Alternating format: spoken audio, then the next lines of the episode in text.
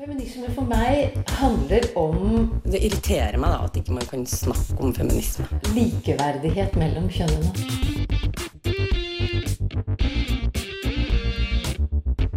Det blikket på kvinnen på film. Det handlet om å bli tatt på alvor som jente. Du hører på Et eget rom på Radio Nova. Landet har hatt 40 år med krig og konflikt, er et av de fattigste landene i verden å bo i. Hvordan er det å være kvinne i dagens Afghanistan, og hva gjøres for at det skal bli bedre?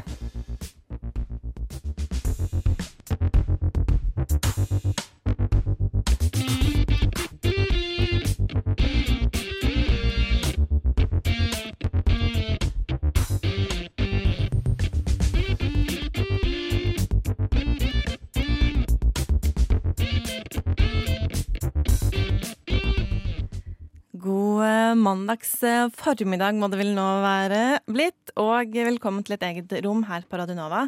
Klokka den er blitt ti, og det betyr at det er Radionovas feministiske program som skal holde deg med selskap en, eh, en times tid. Mitt navn er Linda Rosberg, og jeg skal være her sammen med deg, Andrea Berg. Hallo, hallo. Og så har vi Magnus Tune med på teknikken. Dette eh, blir den andre sendingen eller episoden under fanen som vi har kalt Kvinner i krig og konflikt. Og Forrige uke så snakket vi om kvinner, fred og sikkerhet. Og nå så skal vi altså bli bedre kjent med landet Afghanistan. Som jeg tror veldig mange Mange vet at det er, det er et land, det er konflikt der. Norge har hatt eh, soldater der. Og så stopper det litt, på en måte. Ja. Hva, mer? Hva mer? Hva mer? Ja. Men tall fra FN, som de, de presenterte det nå i helgen, tror jeg, eller rett før helgen, viser at i løpet av 2019 så har 3400 sivile blitt drept, over 6900 har blitt såret i Afghanistan. Og selv om dette er en nedgang fra 2018, så er dette sjette året på rad hvor mer enn 10 000 mennesker er blitt såret eller drept i Afghanistan. Ja. Her har man et gammelt land med en lang historie, og veldig mye av den historien har vært preget av konflikt helt frem til nå, da. Og ja, for meg, som visste litt om Afghanistan, men også liksom måtte inn på Google Maps og sjekke hvilke land det grenset til, så var det mm, overraskende hvor liksom gjennomgående gjennom hele historien det har vært nye konflikter om og om igjen hele tiden. Eh, ja. Vi skal ganske snart få besøk fra den norske Afghanistan-komiteen og få litt, litt mer peiling på både Afghanistan i dag. Men denne historien, Andrea ja, Skal vi kjøre litt sånn ungdomsskoleforelesning? Ja, litt sånn. Vi har noen knagger å henge oss eh, på, Ja. liksom. Ja, altså, jeg kan jo begynne med disse landene som det grenser til, da, siden Ja. jeg har googlet det. Ja, Eh, gjør det. Det er fint. Ja, så liksom Først og fremst så ligger eh, Afghanistan mellom eh, Pakistan på den ene siden og Iran på den andre siden. Um, og så oppå toppen her du, Nå så du skeptisk på meg. Har jeg sagt feil allerede? nei, nei. Så bra. og så på toppen så har vi noen staner, da. Og bare sånn, Nå skal jeg se på notatene mine så jeg ikke får det feil. Da er det Tadsjikistan, Turkmenistan og Usbekistan. Og så har vi en bitte, bitte, bitte liten grense til Kina og Kashmir. Eh, litt eh, avhengig av hvem du mener Kashmir tilhører. Ja. Og her snakker man altså oppimot 80 forskjellige språk. Eh, man har mange tradisjonelle stammesamfunn. Og man har vært, liksom, forskjellige, hatt forskjellige typer styreformer. Frem til slutten av 70-tallet så var man jo et monarki. Og frem til eh, 1920-tallet, så da er vi enda lenger tilbake i tid, så var man kolonisert av Storbritannia. Men så har man også hatt liksom ti år hvor man ble kolonisert av Sovjetunionen. Så det er liksom alle har vært involvert i Afghanistan. Uh, og de siste 20 årene etter 9-11, og det kommer vi jo helt sikkert tilbake til uh, gjennom denne episoden, så har det jo vært mye internasjonale styrker som skal være fredsbevarende. uh, og gjøre alle mulige ting for å redde Afghanistan på hver sin måte. Fra hver sin del av verden, blant annet Norge. Så det har jo virkelig formet det landet. da, Som, som du sa i introduksjonen, så er det jo et konfliktfylt land fortsatt, og et av de fattigste i verden. Fattig og farlig, egentlig. Det er liksom Ja. ja, begge deler. Ja. Og for å liksom sette litt i kontekst dette med kvinner, da, så um, var det en kampanje som ble dekket av New York Times i 2017, som ble startet i Afghanistan, og som ønsket å sette fokus på at kvinner veldig ofte i offentlige rom ikke blir omtalt med sitt eget navn. Man blir omtalt som moren til eller kona til eh, en mann. Så det sier jo, det kan, Bare for å liksom illustrere litt hvor eh, kvinner står da i Afghanistan i dag. Men, men det er en annen ting, da, fordi at eh, når man snakker om Afghanistan, så er det liksom soldater eller man har blitt drept. Og det er veldig sånn mannsdominert nyhetsbilde også når man sitter liksom i Norge og det lille man får. Så nå er det liksom på tide å liksom snakke litt mer om kvinner og sivilsamfunnet generelt. Ja, for det skal nevnes, det var en av tre saker som dukket opp om kvinner i Afghanistan. Det var, ja. ja. Men er vi klare, da? Til å hente inn uh, vår representant fra Det norske Afghanistan-komité? Kjempeklar. Da hopper vi i det. Du Du Du hø hø hører på. på Radio Nova. Velkommen til ditt eget rom, Liv Skjølberg. Du er generalsekretær i Den norske Afghanistan-komiteen. Eh, og det er kanskje ikke alle som har hørt om dere. Så vi kan starte med at du kan fortelle litt om hvem er dere, og hva er det dere gjør, og hva er det dere jobber med? Eh, tusen takk for at jeg får komme hit og snakke om Afghanistan. Eh, I år er det faktisk 40 år siden organisasjonen ble startet. Som en direkte respons på den sovjetiske invasjonen i Afghanistan i romjula 1980. Det vakte et enormt folkelig engasjement i Norge. Venstresiden, som på en måte fikk bekreftet eh, Sovjetunionens imperialistiske karakter, og høyresida, som var veldig redd for at Sovjetunionen da skulle angripe Norge, som var naboland på motsatt side. Så som sagt, det utviklet seg et enormt folkelig engasjement under hovedparolen Sovjetunionen ut av Afghanistan. Og når Sovjetunionen trakk seg ut da i 1980, så var det mange som mente at organisasjonen hadde eh, oppfylt sitt formål eh, og burde legges ned. Eh, mens andre da mente at det var fortsatt behov for en solidaritetsorganisasjon og en bistandsorganisasjon som jobbet kun med Afghanistan. Så vi har da jobbet i Afghanistan gjennom da den eh, sovjetiske okkupasjonen. Senere som det da ble borgerkrig, og så Taliban, og da helt frem til, til nå. Nå har det jo vært litt eh, fokus på Afghanistan igjen den siste uken. Og vi skal snakke litt om disse fredsforhandlingene og prosessene som ser ut til å være litt på trappene i et nytt forsøk, i hvert fall på å skape fred. Men eh, før det så lurer på om du kan si litt For nå er det jo en veldig sånn brokkete og liksom konfliktfylt eh, historie, i hvert fall de siste ti årene. Og mye fattigdom veldig mye kultur og tradisjoner. Altså, Hvordan er det å være kvinne og leve i Afghanistan i dag? Altså Internasjonalt og i forhold til forskjellige sånne rangeringer og sånt, så sier man jo at Afghanistan er blant de stedene hvor det er aller verst å, å være kvinne. Det kommer, som du sier, dels av en kultur som, hvor eh, kvinner har veldig liten innflytelse på egen, eh, sitt egen, eget liv. Og så er selvfølgelig dette her da blitt forsterka gjennom eh, alle disse årene med krig og konflikt, hvor familiene da ekstra har beskyttet, eh, beskyttet sine, sine, kvinner. Men når det er sagt, så er det jo også sånn at heller ikke unge menn har særlig mye eh, mulighet til å bestemme. Det er på en måte de eldre i familien som bestemmer. Men kvinner utsettes for systematisk diskriminering og vold. Gjerne fra de er små og opp igjennom hele livet. Men har det vært noen bedring eller forverring de siste årene? Du kan jo si at Noe av det mest alvorlige eh, Taliban eh, gjorde, var at de eh, nektet kvinner tilgang til helse og til, og til utdanning. Så fra et slags nullpunkt da, så har det gått eh, bedre. Man har hatt en utbygging av helse- og utdanningssystemet i landet som har gjort at også flere jenter og kvinner eh, har fått utdanning. Det er også mange kvinner som jobber. Og på mange nivåer så har det sånn sett blitt, blitt bedre. Men uh, utfordringen er vel at den utviklingen ikke har nådd ut på landsbygda, til der flertallet av kvinner bor. Så det er stort sett kvinner i uh, på en måte de store byene eller urbane senter som har fått tatt del i en mer positiv uh, utvikling. Dere skal delta i 18. mars-toget nå ganske snart, mm. under en parole hvor dere krever at også kvinner og jenter skal få muligheten til utdanning i Afghanistan. Hvordan er tilgangen til skole og utdanning for, for jenter og kvinner nå? Altså det er, eh, som jeg sa, veldig mye bedre enn det det var i 2001. Reelle tall det har man jo egentlig ikke. På det beste så sa afghanske utdanningsmyndigheter at eh, ni millioner barn hadde, gikk, var innskrevet og gikk i skole, og at 36% av de var, var uh, jenter. Så har disse tallene blitt betydelig bestridt, uh, og man har på et tidspunkt snakket om seks millioner barn i skolen. I realiteten så vet man faktisk ikke.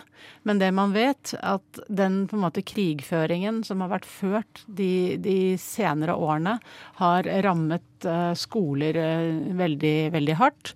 Og også gjort at da foreldre ikke vil sende barna sine til, til skolen.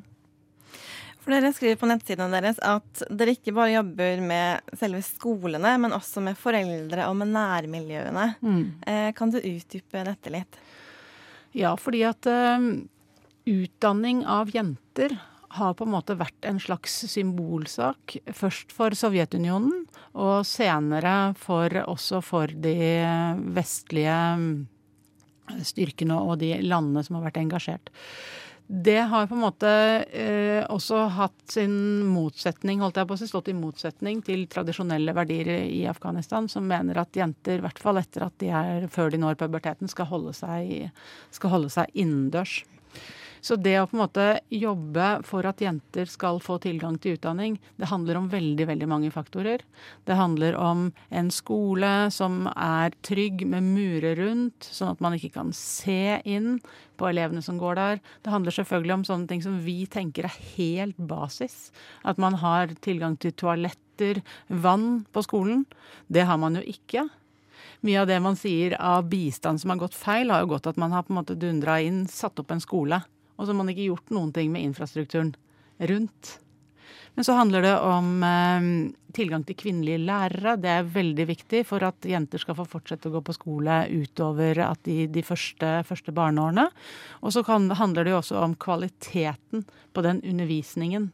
Man har hatt uh, veldig lav kvalitet på lærere. De har knapt uh, fullført uh, grunnskolen selv. Og en pedagogisk tilnærming som har vært som puggemetoden, som sikkert mange har, har sett.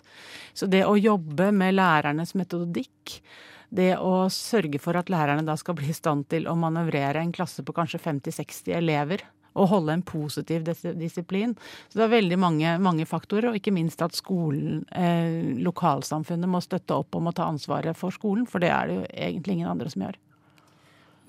Hvordan, ser det ut sånn eh, litt rent praktisk når dere går inn og, og kurser på denne måten? Fordi eh, dere sitter jo her i Norge en gjeng, og så har dere en gjeng i Afghanistan. Kan du si litt om, om den kontakten for å komme dit? Ja, eh, altså vi er jo da fire som jobber her i, i Norge, men er nærmest nå 400 som, som jobber i Afghanistan. Og vi jobber veldig møysommelig med å bygge tillit til lokalsamfunn og etablere på en måte partnerskap eh, med lokalsamfunn og med skoler i, der. Det vi gjør, det er på en måte å utarbeide en slags kontrakt på hva skal vi gjøre, hva skal de gjøre, hvordan skal det her samarbeidet være. Og inni det så ligger da også dette her, med hva det vi kan tilby, er jo annet kursing. Vi tilbyr altså noe bygningsmateriale og sånne ting hvis ting skal, skal konstrueres. Mens eh, landsbyene da må, må eh, komme med annen type materiale. Sånn at de har egne, egne, bidrag. Og de må da være med og aktivt være pådrivere for at jenter skal kunne ha tilgang, eller at de barna som har droppet ut av skolen, skal komme tilbake. Så dette er på en måte en prosess hvor vi jobber frem og tilbake. Fordi at det lokale eierskapet er helt vesentlig hvis det her skal føre noe sted. Og det er jo da våre ansatte, som også er lokale, som er ute og, og gjør den jobben. Så det viktigste vi gjør, er jo egentlig å jobbe og kurse våre egne ansatte. Du hører på et eget rom, og vi har besøk av Liv Skjølberg fra den norske Afghanistan-komiteen. Eh, og dere jobber bl.a. for at kvinner og menn skal ha like rettigheter, og at de skal ha mulighet til å bestemme over seg selv og sin egen reproduktive helse, bl.a. Og der lurer jeg litt på, da, i et land hvor kvinner blir liksom systematisk nesten eh, litt sånn holdt litt nede. Hvilken grad har de retten til å bestemme over egen helse og egen reproduktive helse? Nå så det veldig skeptisk ut. Ja, Det er jo et, eh, liksom et kjernespørsmål, og, og det er klart at der er jo dette her med tilgang til prevensjon og sånt helt sentralt. Særlig konservative krefter vil jo være veldig skeptiske til, eh, til prevensjon, og det vil være veldig sånn tabu, tabubelagt. Så det er jo en av de, en av de tingene. Det vi pleier å ofte si, det er jo at for Afghanistan så er jo da det å føde er farligere enn en krig. Og som jeg nevnte innledningsvis, så var jo Taliban de var jo veldig på kjønnssegregering. Så, eh, og de nektet kvinner eh, utdanning. De få som fikk lov å utdanne seg, det var jo leger. Men de var jo så få at de hadde jo ikke muligheten til å dekke ikke sant? Eh, etterspørselen etter gynekologer og, og, og kvinnelige leger. Så i år 2000 så sier man at 15 000 kvinner i Afghanistan døde i forbindelse med fødsel. Og det er faktisk 41 kvinner per dag. Altså én over én hver halve time. Men, men, det at det er så farlig rett og slett å føde i Afghanistan, er det bare pga. det, eller er det andre faktorer som også spiller inn? Det, det som man uh, det er også, Dette er jo nøyaktig sånn vi har hatt det også i, i norsk historie. At det er tilgangen til kvalifisert fødselshjelp som er avgjørende hvis en fødsel skal bli komplisert. Og det vet jo alle at det kan det veldig, veldig fort bli. Og det er ikke nødvendigvis så mye som skal til av rett kunnskap for å kunne gi riktig, riktig hjelp. Så en av de de tingene vi har gjort, vi har gjort det egentlig helt fra vi begynte å jobbe i Afghanistan. Da jobbet vi med de tradisjonelle jordmødrene, dayaene for å gi dem basiskunnskap til å kunne gjøre en større forskjell. Her har det jo vært veldig mye type overtro, rare praksiser som har vært ute og, og, og gått. Men det å da gi en riktig eh, kunnskap, hygienisk rene verktøy, sånn, sånne type ting. Så har vi jo da jobbet med utdanning av både leger, eh, men de senere årene, siden 2001, særlig med jordmødre. Men, men eh, denne mm, helseutdanningen, hva har det å si for kvinners rettigheter, kvinners posisjon i samfunnet? Jeg regner med at det er mer enn å bare at det har en større effekt enn å bare hjelpe kvinner som skal føde?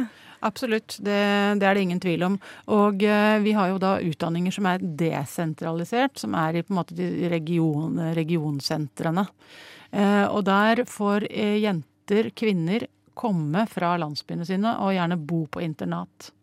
Dette har vært en veldig, et langt lerret å bleike. I begynnelsen, når vi begynte med disse utdanningene, så måtte vi reise rundt på landsbygda, overtale folk i landsbyene til å sende sine døtre, men nettopp da med denne eh, argumentasjonen at da ville de få en kvalifisert kvinne tilbake i sin landsby etter, eh, landsby, etter løpet.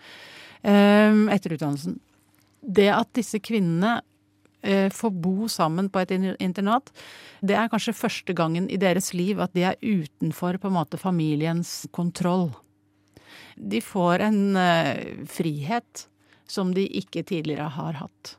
Det er jo en, en utfordring for oss mange ganger, fordi vi må faktisk holde da de rammene som er eh, rundt disse skolene. Og bare for en liten anekdote, eh, hvis vi har tid til det. Eh, Kristin Solberg har jo skrevet en bok om våre jordmorstudenter. Og hun sa at det var et problem fordi at vaktene fra et nærliggende fengsel, faktisk, de kastet sine telefonnummer ned til disse studentene. Så det utvikla seg jo masse følelser og, og, og relasjoner. Og vår jordmor, eller lege doktor Khadija, hun måtte beslaglegge telefonene til jentene for å da hindre disse romansene i å utvikle seg. Så på en måte under alt hva vi på en måte Under burkaen så er det unge jenter som har lyst til akkurat det samme som uh, unge jenter har uh, overalt ellers i, i, verden, men har så stramme restriksjoner. Så det å få lov å bo og studere, få utvikle seg, Eh, det er selvfølgelig eh, veldig viktig. Og det vi er opptatt av, det er at de da kommer tilbake igjen til sine landsbyer. Ikke bare kan de da um, hjelpe til med fødsler, men de er ofte da den eneste kvinnen i sin landsby som har en utdanning, med den betydningen som det har på veldig mange felter. Og så jobber dere i samarbeid med Nansens eh, fredssenter og jobber med kursing i dialog og fredelig konfliktløsning. Mm. Eh, og her i Norge så kan man tenke litt sånn hvorfor er det så viktig når det er helsepersonell som, eh, som får denne typen kurs? Ja, det er jo da jordmødrene og andre helsepersonell får disse, disse kursene. Men også kvinner som vi jobber med ellers på landsbygda, og menn for den saks skyld. Og det handler jo om at eh, det er egentlig ikke konfliktløsningsmekanismer ute på, på landsbygda i noe særlig grad. Og de fleste konfliktene i Afghanistan de handler jo ikke om den her militære konflikten på nasjonalt nivå eller eh, kampen mot terror, men det handler om konflikter om land, om vann, tilgang til vann, og om ekteskap veldig, veldig ofte. Så når du snakker om konfliktløsningsmekanismer, hva slags type mekanismer er det? Hvordan ser det ut? Altså Det går på egentlig at man skal eh, Det er dialogen å lære seg å lytte og høre hva den andres perspektiv er, og på en måte få den bevisstheten om at man, man eh, Ofte så har parter veldig forskjellige motsetningsfylte posisjoner, men at ved å lytte til hverandre, ved å snakke sammen, så kan man i hvert fall i det minste få mer forståelse. Og man kan på en måte hindre at en konflikt eskalerer, og heller klare å leve med den på et vis. Mm. Og du, du, nevnte jo at det ofte handler om ekteskap. Så hva har det å si å, å jobbe frem sånne mekanismer i de samfunnene for eh, kvinner? Nei, det har veldig mye å si. Og det er jo ofte kvinner også som dealer med disse konfliktene, som er de nære konfliktene. Det at de på en måte har et, noen verktøy som gjør at de føler at de kan kommunisere bedre. Og det her er liksom konflikt konfliktløsningsmekanismer. Det høres veldig, veldig vanskelig ut, men egentlig så er det eh, det å klare å lytte til hverandre, det å klare å snakke om problemer som er uh, vanskelig, og som man opplever at man ikke har noen, noen løsning på, for å hindre at det uh, akselererer eller, eller utvikler seg. Nok en gang så snakkes det om en mulig fredsavtale i Afghanistan, og det skal vi snakke litt mer om i et eget rom. Det handler jo selvfølgelig om likestilling, men også om frigjøring, tror jeg. litt mer sånn, Hvis man skal se litt mer radikalt på det. Du hører på et eh, eget rom. Radio Novas feministiske program. Det er altså Liv fra den norske Afghanistan-komiteen som er med oss denne mandagen. Og det har vært en del snakk om Afghanistan igjen den siste uken. fordi nå har man klart å lande en slags midlertidig avtale om å redusere voldsbruken mellom Taliban og USA. Eh, og muligens vil man da få til en litt eh, lengre varig avtale i slutten av denne måneden. Men før jul så ble det stilt et spørsmål, en kommentar på deres nettsider. Betyr fred mellom Taliban og USA fred mellom Taliban og afghanske kvinner? Fordi som vi snakket om tidligere, da Taliban styrte på slutten av 90-tallet, så rev man jo ned kvinners rettigheter. Og da lurer jeg litt på, altså, når man har disse, alle disse forsøkene man har hatt på å skape fred, eh, hvem er det egentlig som deltar i disse forhandlingene? Altså, er den jevne afghaner representert i disse forhandlingene? Altså, du sier Det som har pågått de siste 18 månedene, har vært samtaler mellom USA og eh, Taliban. Vi kaller ikke det en fredsavtale. Eh, men selvfølgelig det er et viktig skritt på, på, veien mot en fred. Eh, I disse samtalene så har det ikke vært noen kvinner til stede. I juni så reiste en delegasjon eh, av kvinner, en bredt sammensatt delegasjon av kvinner, og andre fra sivilsamfunnet til Doha, der hvor disse forhandlingene har foregått. Og de fremsatte noen, noen krav. Annet at kvinner skulle få anledningen til å delta, og at det skulle være åpenhet om hva det ble forhandlet om. Fordi nettopp at kvinners rettigheter er så på en måte politisert, så er det en stor frykt for at de vil bli forhandlet bort i, i mellom da USA og, og, Taliban. Og det vil jo ikke afghanske kvinner sitte og se på. Så de har faktisk de mobilisert veldig sterkt eh, rundt omkring i, i hele landet for å få være med i fredsforhandlinger. Og her er jo på en måte dette FN-resolusjon 1325 som dere her er opptatt av, er en veldig viktig knagg for disse kvinnene, fordi de med FN-resolusjonen i hånda kan komme og kreve å få være med. Det har de ikke nådd frem med i det hele tatt i forhold til uh, Taliban og uh, og USA. Men vi vet jo at både ja, norske myndigheter, svenske myndigheter og mange andre har jo jobbet med å skolere kvinner, sånn at de skal kunne ta en plass eh, hvis det kommer. Det store spørsmålet det er jo da eh, forhandlinger internt, altså de intra-afghanske forhandlingene som må til for at det skal kunne bli en fredsavtale. Så hvis man nå får en slags eh, avtale mellom Taliban og USA, så kommer liksom neste steg, som er da innad i Afghanistan. Ja. Ja. Der hvor da på en måte de forskjellige fraksjonene og på en måte også militsene og warlords da skal eh, på en måte fordele eh, makten. Det afghanske kvinner også har sagt, og også mange måte er liberale, de vil jo at konstitusjonen skal stå sånn som den står. For den afghanske konstitusjonen den garanterer like rettigheter for, for menn og kvinner. Hvorvidt det vil bli en realitet, det, det blir veldig, veldig spennende å se.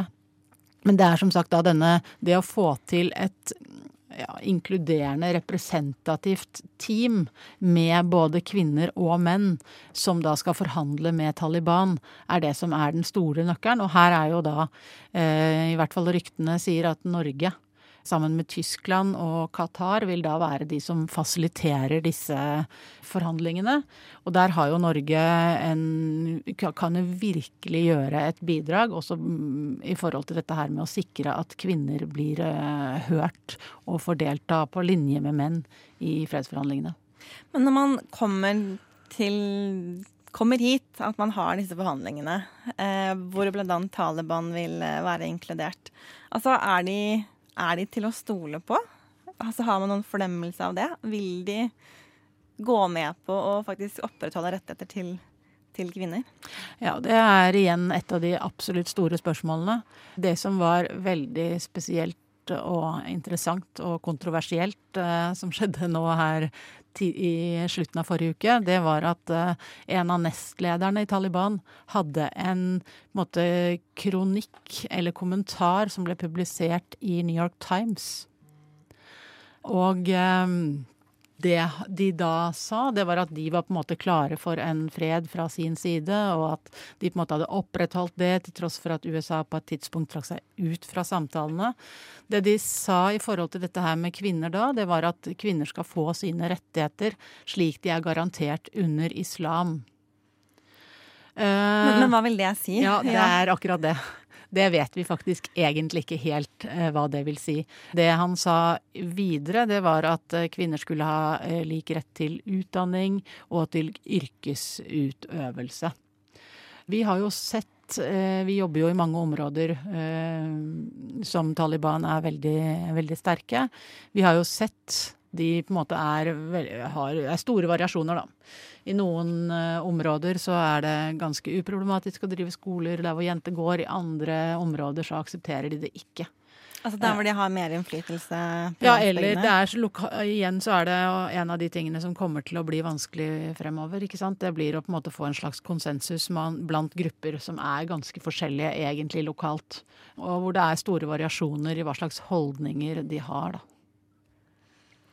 Se, men uh, man blir jo veldig nysgjerrig på uh, hvordan uh,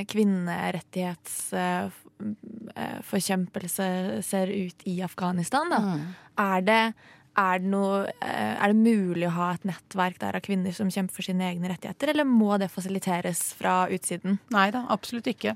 Eh, og eh, det har jo vært et eh, ganske stort mangfold av kvinneorganisasjoner som har vokst frem siden 2001. Og kvinner har jo på en måte spilt en veldig sentral rolle også i tidligere tider. Veldig mange av de som da var utdanna kvinner, de drev skoler for jenter i skjul. Eller de holdt på med aviser og holdt på med en aktivisme sånn som vi også kjenner det i, i dag. De, og nå er det jo selvfølgelig på sosiale medier hvor de har hatt en sånn kampanje My Red Line for hva de vil akseptere. Sånn at det er et veldig aktivt sivilsamfunn sivilsamfunn som eh, gjør seg gjeldende, og som markerer og sier at de aldri igjen vil akseptere at ikke de får rettigheter eh, slik det er garantert i Grunnloven. Under alle disse årene med konflikt, hvilken, altså har kvinnene spilt noen rolle i det som har skjedd sånn der hvor det har foregått uh, handlinger eller kamphandlinger eller okkupasjon, eller har de liksom er det mennene som har vært litt frempå, så har kvinnene gjort andre ting? Jeg er ikke kjent med at du har kvinnelige eh, soldater, sånn som du f.eks. har i kurdiske områder, hvor du har hatt kvinnelige persmergaer, som har jo da egne militser og som har vært aktive i, i, krigføringen. Det har jeg ikke vært kjent med i det hele tatt i Afghanistan. Eh, selv om du har også kvinner der, noen som har kledd seg ut som menn. Eh, eller for å på en måte kunne opptre mye mer, mer, mer, fritt. Men du har jo den konsekvens da at man må ta et enda større ansvar for hus og hjem, da. Og for å forsørge familien, ikke sant. Når mennene på en måte er, er borte, så blir presset på kvinnene enda, enda sterkere. Jeg tror vi må avslutte, dessverre. Liv ikke Schjølberg, men Skjølseth. Eh, tusen takk for at du kunne komme hit til et eget rom. Kan jeg få si én liten ja, ting til slutt? Kort, Veldig ja. liten ting. Og det er at uh, det blir en hel uke med arrangementer om Afghanistan fra 20. til 25. april. Afghanistan-uka, som arrangeres av Fredsforskningsinstituttet PRIO, Christian Michelsens institutt i Bergen, Afghanistan-komiteen og Nansen fredssenter. Så det er bare å følge med på våre nettsider. Da skal vi gjøre det. Jamila Jamil. Kanskje et av mine forbilder som jeg syns er veldig kul. Hennes motto er liksom at så lenge man er opptatt av å lære og utvikle seg, så skal alle få lov til det. Så alle kan jo si dumme ting en gang iblant eller trå litt feil, men å da gå tilbake og, og liksom si unnskyld og jeg er fortsatt i utvikling og jeg lover å gjøre det bedre neste gang. Du hører på Et eget rom. Radio Novas feministiske program. Fra Afghanistan så skal vi bevege oss til et annet land i Midtøsten. For ca. ett år siden så uttalte Amnesty at det aldri hadde vært verre for kvinneaktivister i Iran. Og Aida Korami har denne uken sett nærmere på iranske kvinners opprør mot påbudet om bruk av hijab. Kvinner i Iran har lenge kjempet mot tvangsbruk av slør. Selv om landet ikke er i krig, kan man på mange måter si at det blir kjempet en stille krig. Jeg har snakket med Mina Bay, og hun skal fortelle mer om situasjonen for kvinner i Iran. Situasjonen for kvinner i Iran er kjempedårlig. Eh, Iran er et kjønnsapartheid, og jeg synes vi snakker veldig lite om dette.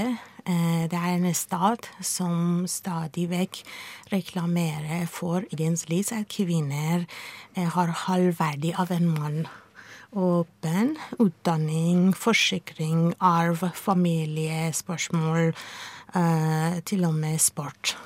Hvordan eh, kjemper eh, kvinnene i Iran for disse rettighetene? De, de, kjemper hver dag for å få rettighetene sine, men de føler at de blir diskriminert eh, pga. deres kjønn.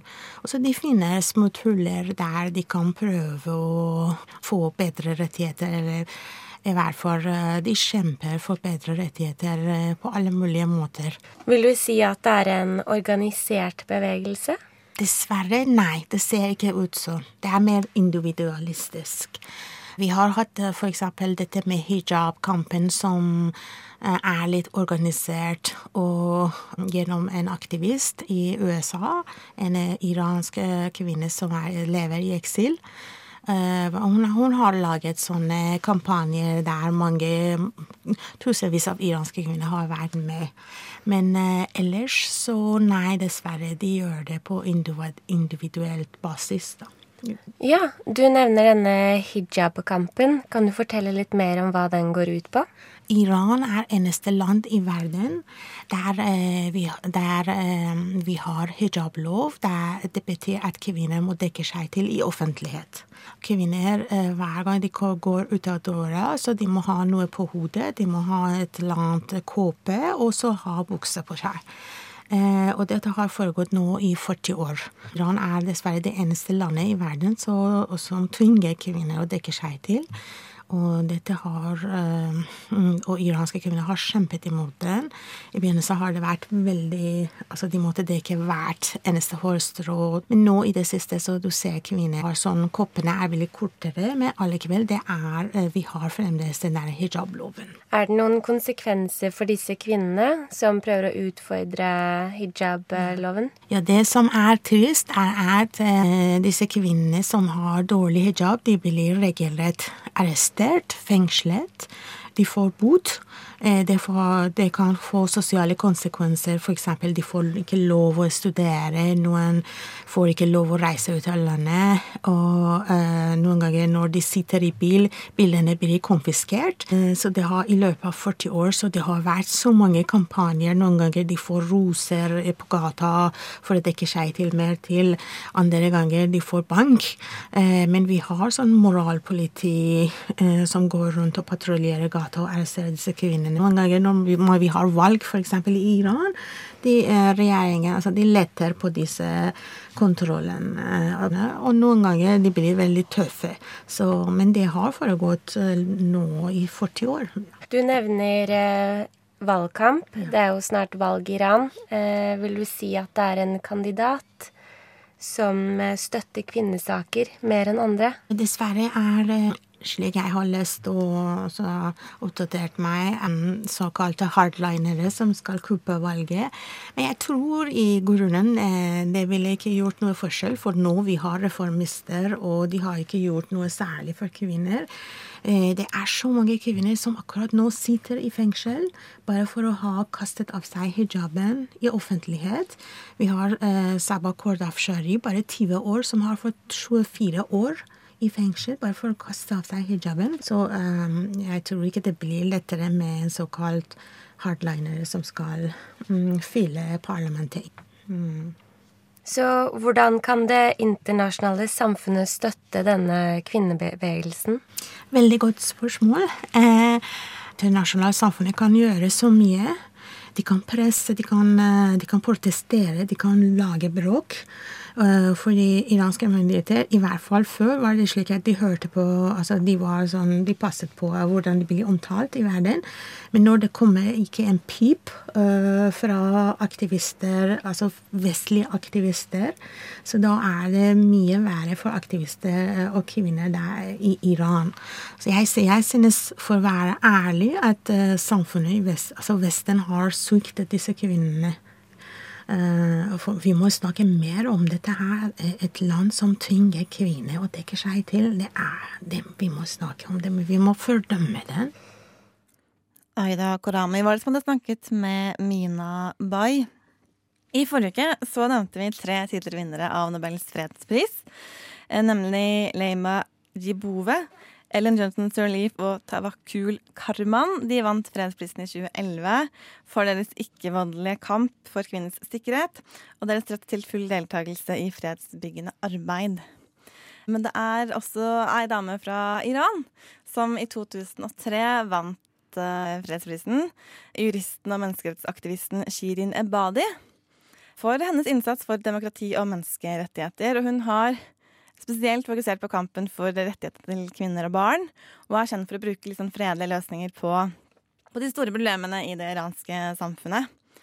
Og det var jo ikke alle eh, som var like begeistret for eh, at hun vant fredsprisen i 20, nei, 2003. Forståelig nok var det en del iranere som mente at det her var, eh, det var bare ren politikk fra et sånn bitte lite vestlig land oppe i nord, liksom. Eh, men også en del eksiliranere var litt skeptiske og da var det noen som kommenterte at ja, hun, hun, bor jo i Iran. Hun kan jo ikke sitte på TV i Norge og kritisere regimet hennes og reise hjem og leve liksom et vanlig liv. Men hun var eh, den første kvinnelige dommeren som jobbet i Teheran til revolusjonen i 1979, hvor eh, hun da måtte Eller ble tvunget da, til å slutte å jobbe som, eh, som dommer fordi hun er kvinne. Eh, nå tror jeg hun lever i eksil i England, for hun tør ikke å leve der lenger. Men, eh, men, ikke sant, det er viktig å ha ei som faktisk jobber for kvinner og barns rettigheter også, og at det blir anerkjent i et sånn fredsforebyggende arbeid. At det ikke bare er sånn nå er det krig og konflikt, nå må vi finne en måte å legge ned våpnene på. Eh, men så tenkte jeg litt sånn i Ebadis ånd at vi kanskje kunne gå litt inn på den iranske kvinnebevegelsen. Som jeg regner med Andrea, at du ikke vet noen ting om. Jeg er helt blank. Ja, Så fint. Så fint for meg som bare bitte lite grann om det her. For i første halvdel av 1800-tallet så var det ei dame som het Fatime Baragani. Og hun var en veldig sånn innflytelsesrik poet, eh, kvinnerettsaktivist og teolog, som tilhørte en veldig sånn liberal bevegelse som faktisk ble forfulgt av myndighetene på den tiden.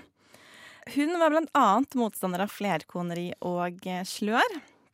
Ble til slutt dømt til døden og henrettet pga. det arbeidet her. Og hun har blitt stående i ettertiden som et sånn eksempel for andre kvinneaktivister eller kvinnerettsaktivister, selv om det her var tidlig 1800-tallet.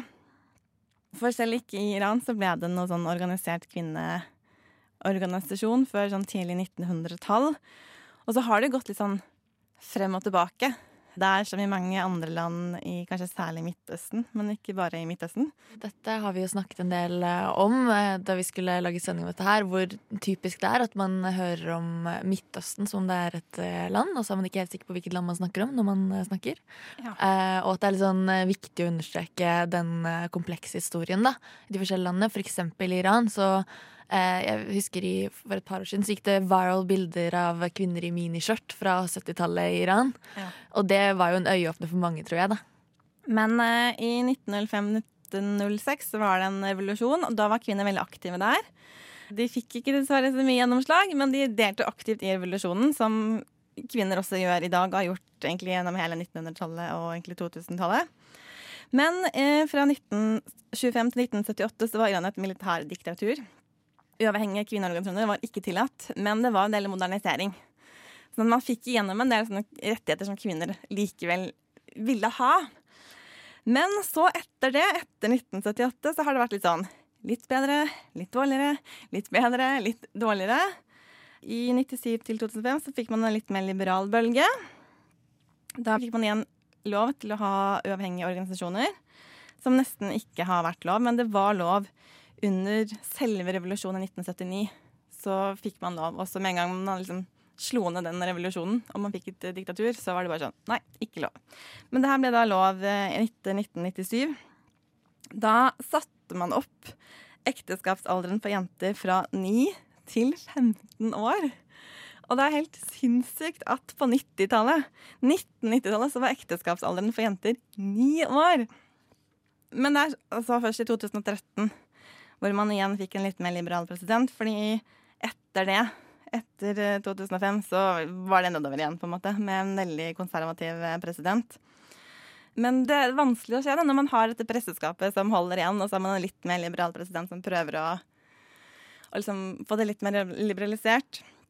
Og så har man en stat, altså Iran sier som Norge, vi må ha flere barn. Kvinner, fød barn.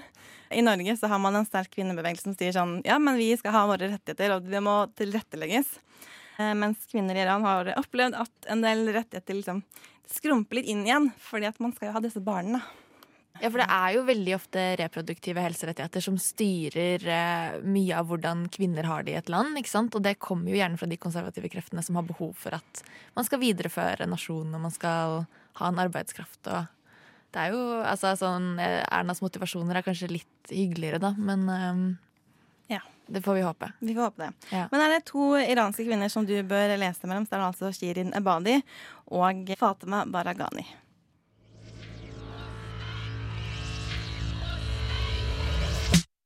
Et absolutt eget rom. Et helt ekte eget rom.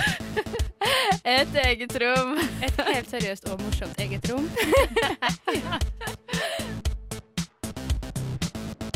Et eget rom, Radio Novas feministiske program. Vi må dessverre avrunde denne her sendingen i dag. Eh, den som har bidratt til denne sendingen, det har vært Aida Korami. I studio har stemmene til Andrea Berg og meg selv, Rosenberg, og tekniker har vært Magnus Tune. Kvinner på flukt mishandles, misbrukes og trakasseres.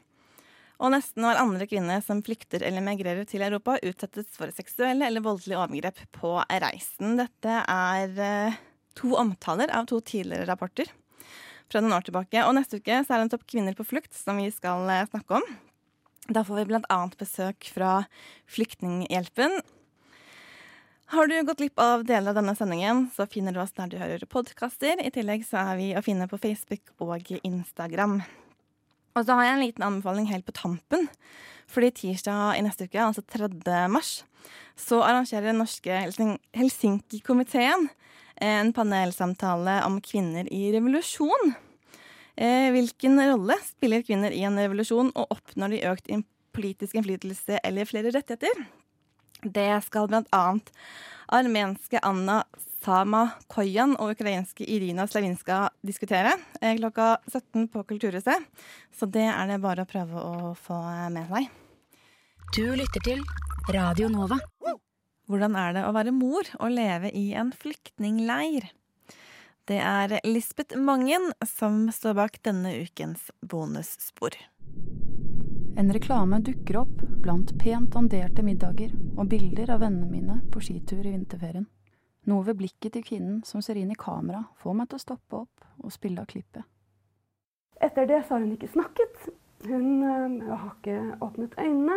Det er smertefullt å se hva vi lar folk måtte leve i. Jeg har snakket med hundrevis av voksne og barn. Absolutt alle forteller at de har vurdert om de skal ta sitt eget liv, fordi det er helt utholdelig å leve der de bor. En leir som av BBC beskrives som verdens verste. Den er beryktet for å ha voldsepisoder, voldtekter, 70 mennesker per toalett, åtte timer i kø for å få seg noe mat. Organisasjoner som har kommet for å hjelpe, de har dratt i protest. Oppi alt dette vokser barn opp. Vi skal til Lesbos, og vi skal få høre om å være mor i Moria.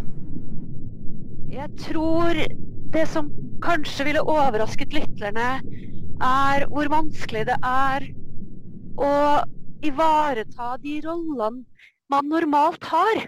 Um, vi har så mange roller, og så snart du er uh, flyktning, så mister du alle dem. Og, den eneste rollen for så vidt som er igjen, altså bortsett fra å være flyktning, er jo å være mamma. Men de betingelsene de lever under, gjør det så innmari vanskelig å fylle den rollen. Jeg er på Skype med barnepsykolog Karin Glatz Brubakk. Hun er nede i Moria-leiren på Lesbos og følger opp barn som lever i limbo. Og foreldrene som er på flukt og søker et liv i trygghet lenger opp på kontinentet. Hun beskriver en hverdag som mange av barna vil ta skade av i lengden. Og gjør at foreldrene står i en situasjon de kan gjøre lite med. Um, fordi um, du må kanskje stå i i matkø i åtte-ti timer om dagen. Og da kan du ikke være sammen med barnet ditt eller passe på barnet ditt. Jeg ser Den store endringa jeg ser fra da jeg var her sist for tre måneder siden, eh, er at eh, leiren som sådan har endra seg ved at det for tre måneder siden eh, bare var telt og krype inn, sånn at folk liksom hadde tak over hodet. Eh, men det var ikke noe infrastruktur i leiren i form av eh, Eller i hvert fall veldig begrensa i form av eh, salg av ting og aktiviteter. Mm. Mens nå så, fordi at da var modusen at man bare skulle være her en stund, og så skulle man dra igjen. Men jeg ser veldig tydelig nå at, at mennesker um, har begynt å tenke eller akseptere at det her er et sted vi skal være lenge. Jeg spør henne om mødrene hun møter i leiren, og andre kvinners situasjon. Hun forteller om tiltak kvinner gjør for å føle seg trygge om natten. Og så vet vi jo også dessverre at veldig, veldig mange kvinner er eh, voldtatt eller misbrukt eh, på reiser. Og eh, en del har jo også vært ofre for menneskehandel. Eh, så vi behandler da skader som følge av det. Er det fare for at dette også skal skje i, leirene, veldig, i leiren hos denne veldig utsatte gruppen? Ja, dessverre så vet vi jo at det foregår eh, overgrep. Og en del eh, kvinner forteller at de eh, sover med bleie om natta fordi at de ikke tør å gå på do på natta. Fordi at det er kanskje det stedet hvor det skjer flest overgrep, hvor de føler seg mest sårbare.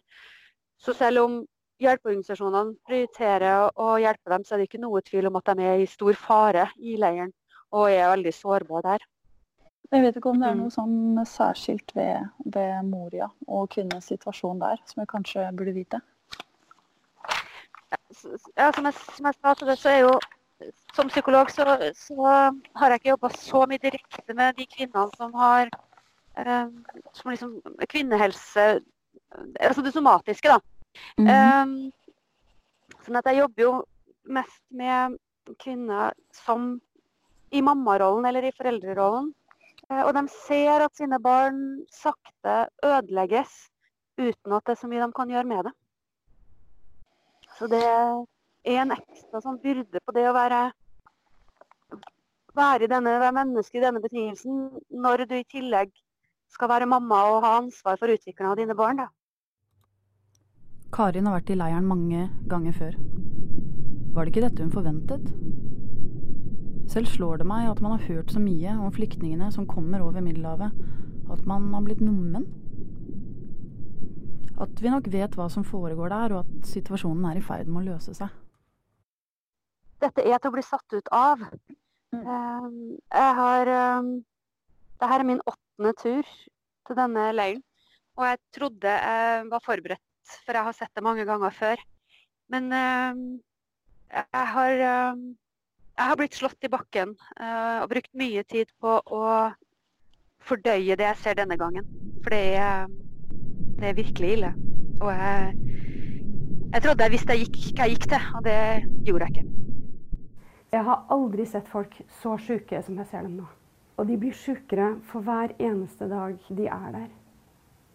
Og Ei jente som kanskje har krøpet aller mest inn i hjertet mitt, er ei lita jente fra Afghanistan, ni år gammel. Hun være utsatt for et selvmordsangrep, ble alvorlig skada, klarte å flykte sammen med familien sin. Drømte om å komme til et trygt sted og trodde Europa skulle være det. Men det var det ikke. Så etter en alvorlig konflikt i leiren der det var mye oppstyr og bråk, så ble hun veldig, veldig redd. Hun sier til pappaen sin at 'nå tror jeg at jeg skal dø'. Etter det så har hun ikke snakket. Hun uh, har ikke åpnet øynene. Hun uh, har gradvis trukket seg mer og mer unna en verden som er altfor skummel for henne. Hun lager ikke lyd, hun reagerer ikke når vi snakker til henne eller tar på henne. Og nå har hun sluttet å spise. Dette er en direkte følge av at hun er i Moria. Vi kan ikke la dette fortsette. Vi må evakuere folk nå.